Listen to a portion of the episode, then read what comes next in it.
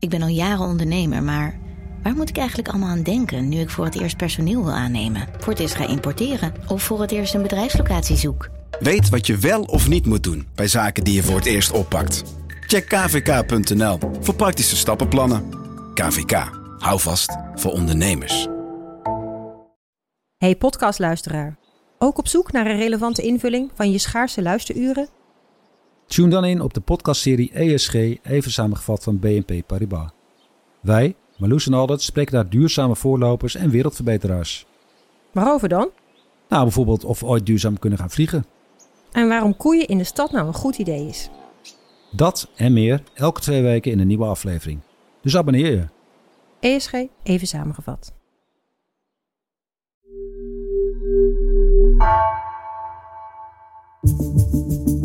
Vanaf de redactie van NRC het verhaal van vandaag. Mijn naam is Geertje Tunter.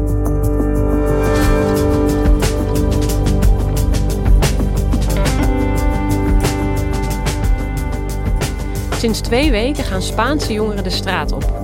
Directe aanleiding voor de protesten is de arrestatie van de radicaal linkse rapper Pablo Hasél, onder meer voor belediging van het Koningshuis. Maar de veroordeling van Hassel is ook het startschot voor jongeren om hun frustratie over de samenleving te uiten, ziet correspondent Koen Greven. Waarom lukt het Spanje niet om deze jongeren perspectief te bieden?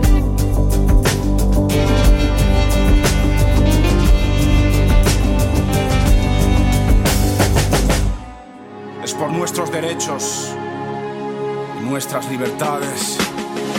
Irán a por más y no los paramos. Forrados con sangre inocente en las manos. Quieren esposar la nuestra que escribe. Oreta mi libreta libre, la conciencia es mi líder. We horen hier Pablo Hassel, een 32-jarige rapper uit Catalonië. Een linksradicale uh, rapper die zich afzet tegen het establishment, afzet tegen het Spaanse regime, afzet tegen rechts-Spanje, ook afzet tegen het rijke milieu van zijn ouders. En hij is nu in de actualiteit omdat hij een paar keer op is gepakt vanwege ja, het beledigen van Koninklijk Huis tijdens zijn raps en het verheerlijken van terrorisme. Daar staat in Spanje een gevangenisstraf op. en is nu ook echt opgepakt en zit nu achter de tralies. Spanish police stormed a university on Tuesday to arrest a rapper who'd barricaded himself inside. Pablo Hassel had been sentenced to nine months in jail. The rapper took refuge in a university building in northeastern Spain with a group of supporters. Chairs were thrown and fire extinguishers were emptied as police wearing protective headgear and carrying guns reached Hassel. Zijn arrestatie ja, werkte eigenlijk als een soort lont op een kruidvat. Uh, er is heel veel onvrede in Spanje onder jongeren. En zijn arrestatie staat eigenlijk symbool voor repressie van het regime. Uh, autoriteiten die mensen beperken in vrijheid van meningsuiting, überhaupt in allerlei vrijheden. En jongeren voelen zich daardoor aangevallen. En hebben zijn arrestatie gebruiken zij nu eigenlijk als symbool om te protesteren voor hun eigen vrijheden. Sinds de arrestatie van de rapper, rapper Pablo Hasél afgelopen dinsdag werd er in verschillende Spaanse steden gedemonstreerd. Hier in Barcelona waren gisteravond zo'n 6000 mensen op de been. Wat begon als een vreedzame demonstratie liep uit op rellen. Betogers gooiden met stenen en vuurwerk naar de politie. Gaat eigenlijk al um, twee weken los, uh, vooral in, in Barcelona en Catalonië. Ook af en toe in andere Spaanse steden. Als het donker wordt, komen veel jongeren bij elkaar. En dan wordt de aanval eigenlijk gekozen tegen, tegen de politie als vijand. En dan worden containers in de brand gestoken, worden met hekken gegooid of politiebusjes in de, in de brand gestoken. En er ontstaat dus steeds een confrontatie tussen jongeren en autoriteiten. Deel van de demonstranten werpt barricades op met vuilcontainers en er wordt brand gesticht. En sommigen beginnen winkels te plunderen.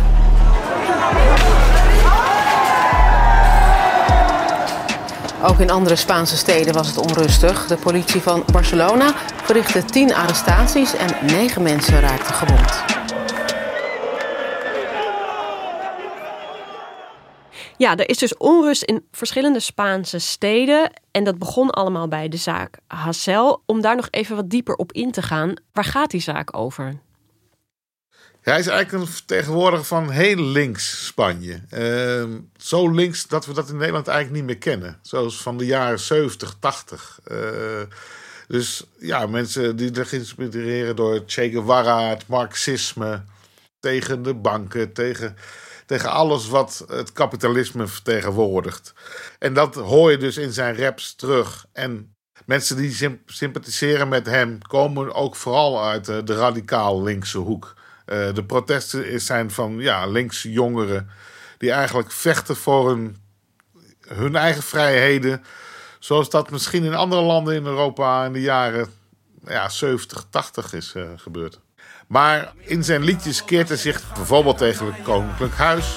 Juan Carlos el Bobo, capo mafioso saqueando el reino español. Maar hij keert zich ook tegen of voor het terrorisme. Zo verheerlijkt hij bijvoorbeeld het ETA-terrorisme. Ja, dat ligt in Spanje heel erg gevoelig. Want uh, in tijden van de ETA zijn er meer dan 800 doden gevallen.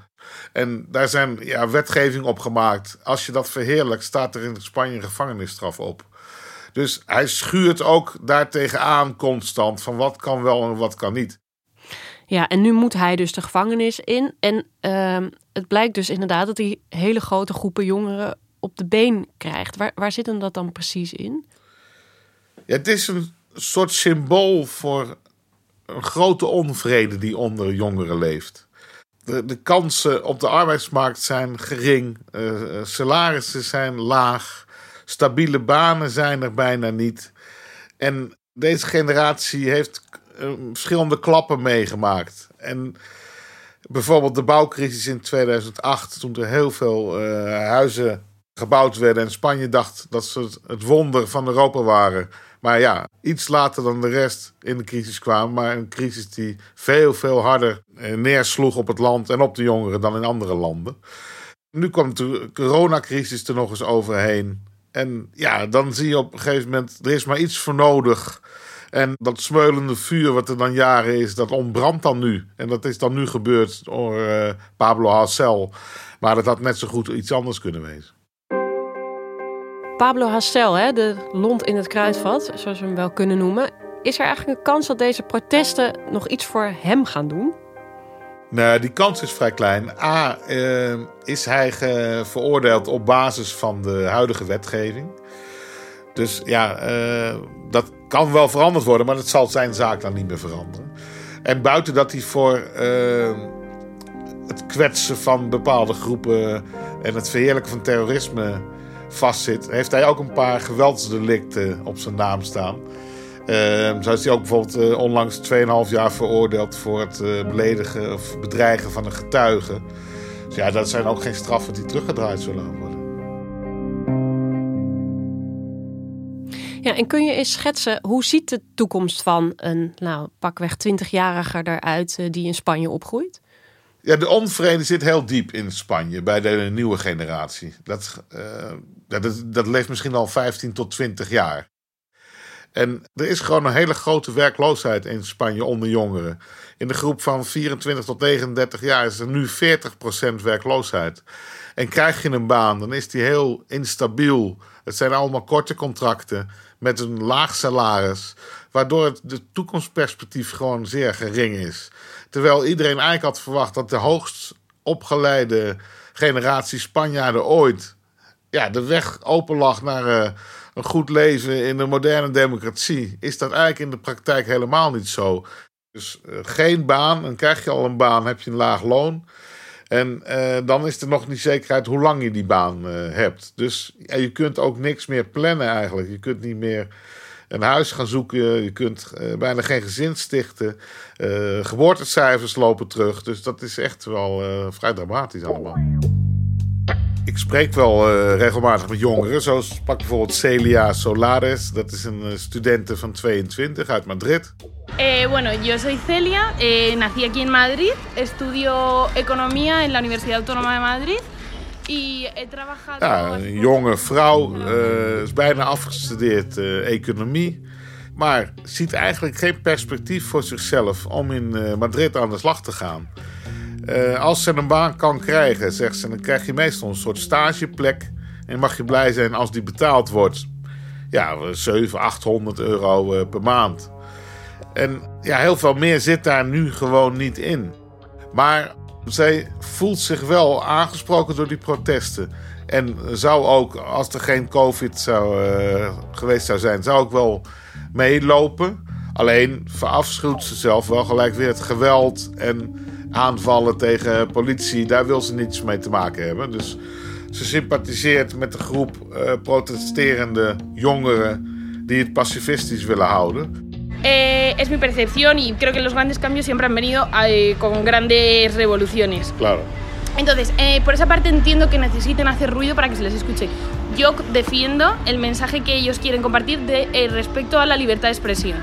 Tegelijkertijd zegt ze ook wel, ja, als wij geen geluid maken en je geen dingen echt laat zien dat je er bent, ja, dan zullen we nooit een revolutie kunnen ontketenen. Dus dan is het ook nog zinloos. Ze hebben gewoon weinig zin in eh, om voor 800 euro in de maand 40 uur per week te werken, terwijl ze een hele hoge opleiding hebben. En ze zien dat in de rest van Europa die verhoudingen totaal anders liggen. Wat je schetst, hè, dat beeld van Celia, ja, haar, haar toekomst is denk ik heel onzeker. Zo ziet ze het in ieder geval zelf ook. Is het perspectief voor alle Spaanse jongeren zo slecht? Niet voor alle. Uh, je hebt echt een hele scherpe tweedeling. Nergens is het verschil tussen arm en rijk zo groot in West-Europa als in Spanje. Dus je hebt ook een groep rechtse jongeren, of conservatieve jongeren, hoe je dat maar wilt noemen, die betere kansen hebben op de arbeidsmarkt. Heeft ook te maken met vriendjespolitiek, met ja, familiestructuren, met, met structuren die naar het verleden van Spanje komen. Dus sta je aan de goede kant van die lijn en heb je, heeft je familie veel geld en macht, dan, dan zijn je uitzichten beter. Zo sprak ik uh, bijvoorbeeld Alvaro Anton, een jongen van 17, die uit een uh, ja, chique, rijke wijk in Madrid komt. En hij uh, komt uit een rijkere familie. En ook dus uit de tak van Spanjaarden die elkaar helpt. hij zegt ja, ik, in Spanje, als je verder wil komen, heb je gewoon hulp nodig van vrienden en familie. Ehm, ja, die kijkt bijvoorbeeld met een hele vreemde blik naar de protesten van radicaal links in, uh, in de Spaanse steden en vooral in Barcelona. Dat staat dan heel ver van hem af.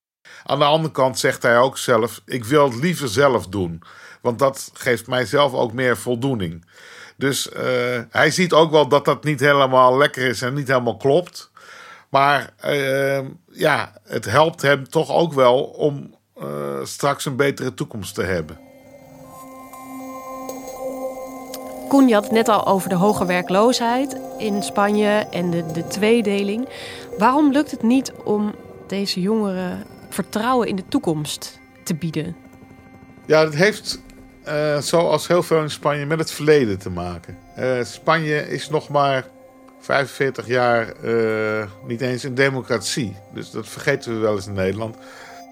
De grootouders van deze jongeren zijn uh, geboren of opgegroeid uh, in de dictatuur van Franco. Uh, dat was gewoon echt de pure armoede en, en lijden in veel plekken. Hun ouders hebben gevochten voor de democratie. In de hoop hun kinderen ja, voor te kunnen stuwen in een hele moderne samenleving waar ze gestudeerd hebben, waar ze ja, kunnen leven zo waar ze zelf van droomden. Alleen is dat door ja, verschillende omstandigheden is dat gewoon niet zo uitgepakt. Maar ook omdat Spanje een deel heeft gemist wat de rest van Europa wel heeft meegemaakt in de jaren 70, 80. Een revolutie van studenten, een revolutie van links. Vechten om vrijheden. Uh, en daarna is dat eigenlijk geconsolideerd in West-Europa. En is uh, in een soort conservatievere samenleving die nu ja, redelijk stabiel is. Uh, bijvoorbeeld in Nederland, België, Duitsland. Uh, in Spanje ja, is dat anders. En is dat, heeft een bepaald proces van revolutie onder jongeren eigenlijk nooit goed plaatsgevonden. En daar zie je nu nog soms de uitbarsting van. Ja, en ik kan me voorstellen, die ouders van deze jongeren die dachten vanaf nu gaat het misschien alleen maar beter worden. Maar dat is dus niet zo gebleken in de praktijk. Ja, misschien hebben ze ook wel onbewust een fout gemaakt door hun kinderen heel beschermd op te voeden. En het resultaat is niet dat ze op zichzelf gaan staan en voor zichzelf opkomen, maar ja, bij die ouders blijven wonen tot hun dertigste. En dan uh, ja, heel laat eigenlijk pas voor hunzelf gaan zorgen. En dan, ja, dan heb je eigenlijk al dus zo'n ja, tien jaar werkervaring of levenservaring gemist. En dan is het heel moeilijk om dat nog in te halen. Moet je nog kinderen gaan krijgen, een huis uh, kopen. Dus ja, die, hele, die generatie zit helemaal uh, klem daardoor eigenlijk. En in hoeverre kunnen ze daar zelf eigenlijk wat aan doen dat ze zo lang thuis wonen bijvoorbeeld? Want ja, Spanje heeft natuurlijk ook voor ze kiezen gehad de afgelopen jaren. Nee, uh, je kunt het misschien wel de politiek kwalijk nemen. Uh, Spanje is toch ook wel een beetje een, een, een, land waar mensen van dag tot dag of van jaar tot jaar leven. En de politici leven eigenlijk van verkiezing naar verkiezing. Het probleem is uh, dat je dan niet de echte grote problemen oplost. Dus werkloosheid, hoge staatsschuld, de arbeidsmarktproblemen, pensioenen. En dat dan steeds aan je uh, opvolgers overlaat, die weer een eigen plan maken. En de, ja, zo gaat dat helemaal door. Maar als er steeds een crisis tussendoor komt en politici uh, leven van verkiezing naar verkiezing, dan, dan ga je die problemen niet oplossen. Hoe hard heeft corona erin gehakt in Spanje? Ja, zijn natuurlijk na Italië was het land dat het eerst echt zwaar getroffen was. En we hebben natuurlijk een land te maken dat voor ja, een heel groot deel leeft van toerisme. Ze hadden in 2019 een recordaantal van 83 miljoen toeristen. En uh, vorig jaar is dat teruggelopen naar iets van 19 miljoen. Dat zijn niveaus van 1968. Dus ga je echt weer ver terug in de tijd. Ja, dat zijn tientallen miljarden uh, geld in Spanje daardoor misgelopen. Uh, honderdduizenden banen. Ja, je kunt zo gek niet bedenken. Zeker, zeker in orde aan de Costa's of de Balearen of de Canarische eilanden. Ja, daar is het, het helemaal dramatisch uh, nu.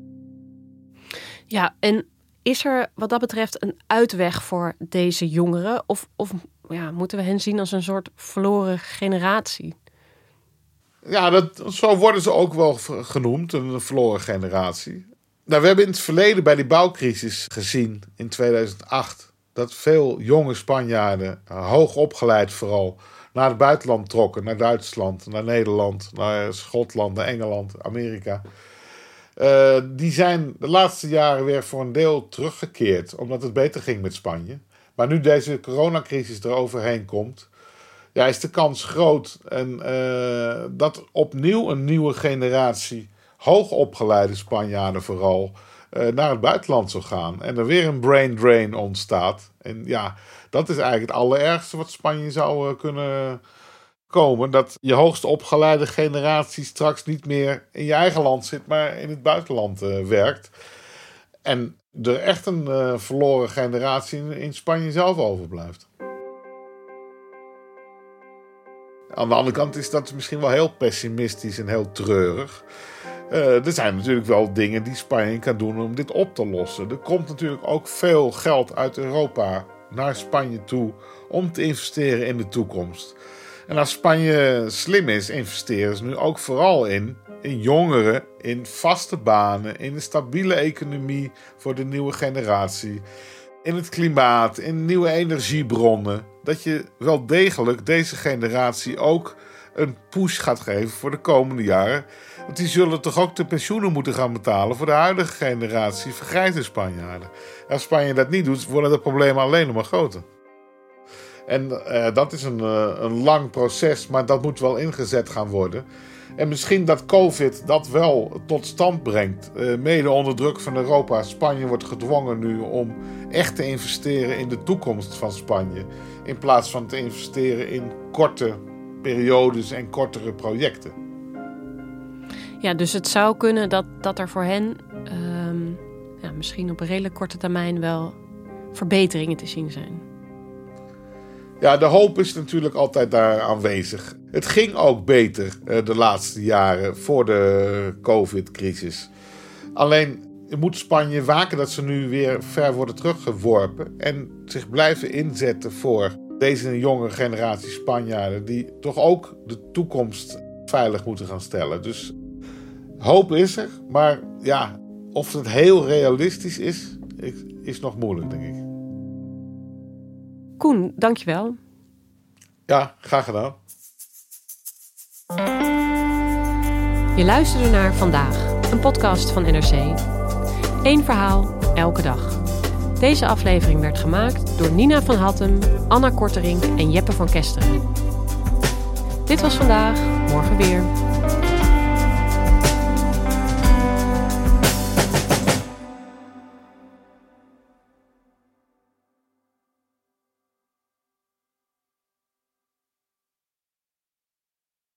Technologie lijkt tegenwoordig het antwoord op iedere uitdaging. Bij PwC zien we dit anders. Als we de potentie van technologie willen benutten, kunnen we niet zonder een menselijk perspectief. Human-led, tech-powered noemen we dat. Ga naar pwc.nl.